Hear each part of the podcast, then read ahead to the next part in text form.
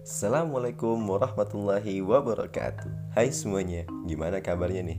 Semoga kalian senantiasa diberi kesehatan dan kemudahan ya. Amin ya robbal alamin.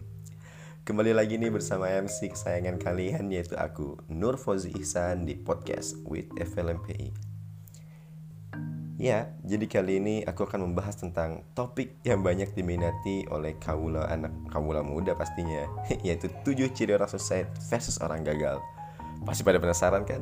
Yuk langsung stay tune aja. Sebelumnya aku ingin nanya nih, uh, kamu ingin sukses? Ya pasti dong. Siapa sih yang gak mau sukses?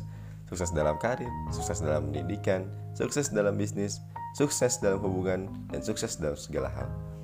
Walaupun definisi sukses setiap orang pasti berbeda-beda, namun tahu nggak sih bahwa orang sukses dan orang gagal itu nyata ada polanya loh. Coba kita lihat, kira-kira kamu termasuk yang mana?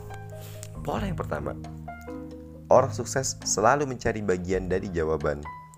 Dia itu bagian dari solusi masalah, pikirannya kreatif, pikirannya unik, dan selalu cari cara dan selalu cari jalan. Sedangkan orang gagal jangan mencari solusi masalah, justru biasanya dialah menjadi bagian dari penyebab masalah, bikin problem, bikin runyam, bikin keributan. Dan pola yang kedua, orang yang sukses selalu mau belajar. Mereka terbuka terhadap segala macam informasi baru dan mereka itu mau menyerap bagaikan spons.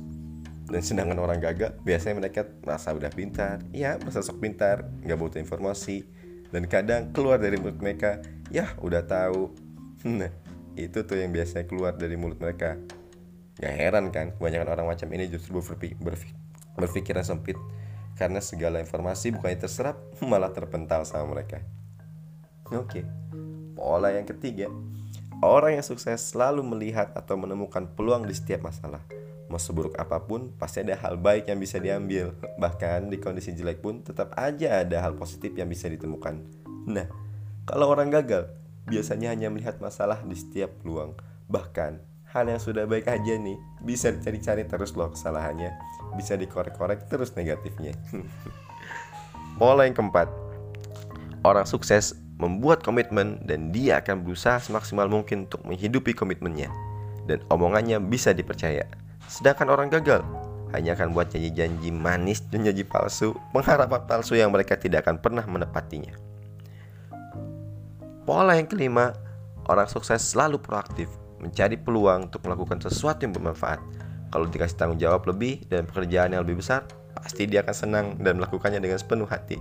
Sedangkan orang gagal hanya akan melempar tanggung jawab atau menghindar dari pekerjaan yang besar. Waduh, jangan deh, jangan.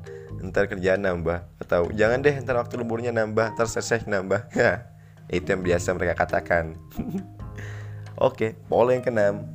Orang sukses suka membantu orang lain. Dia nggak takut kompetisi. Bersama-sama mereka bisa raih kemenangan karena orang sukses yakin bahwa kesuksesan itu bisa dicapai dengan lebih mudah bila dilakukan bersama-sama. Sedangkan orang gagal nih cenderung meraih kemenangan dengan cara menjatuhkan orang lain.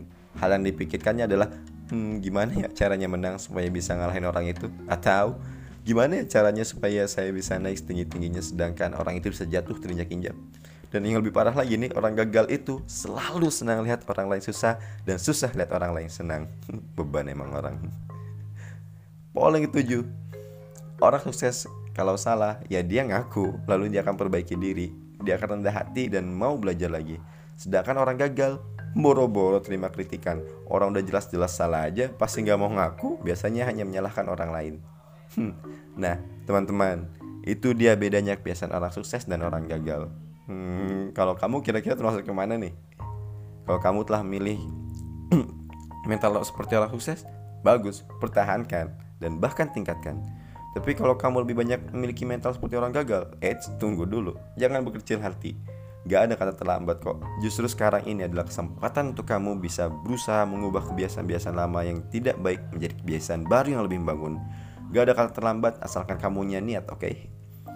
Oke, okay, makasih yang udah mau ngedengerin podcast ini dari awal sampai akhir. Semoga bermanfaat untuk kalian semua. Sekian dulu podcast kali ini. Aku pamit undur diri. Semoga kalian sehat selalu. Sampai ketemu di podcast selanjutnya. Assalamualaikum warahmatullahi wabarakatuh. Bye bye. See you next time.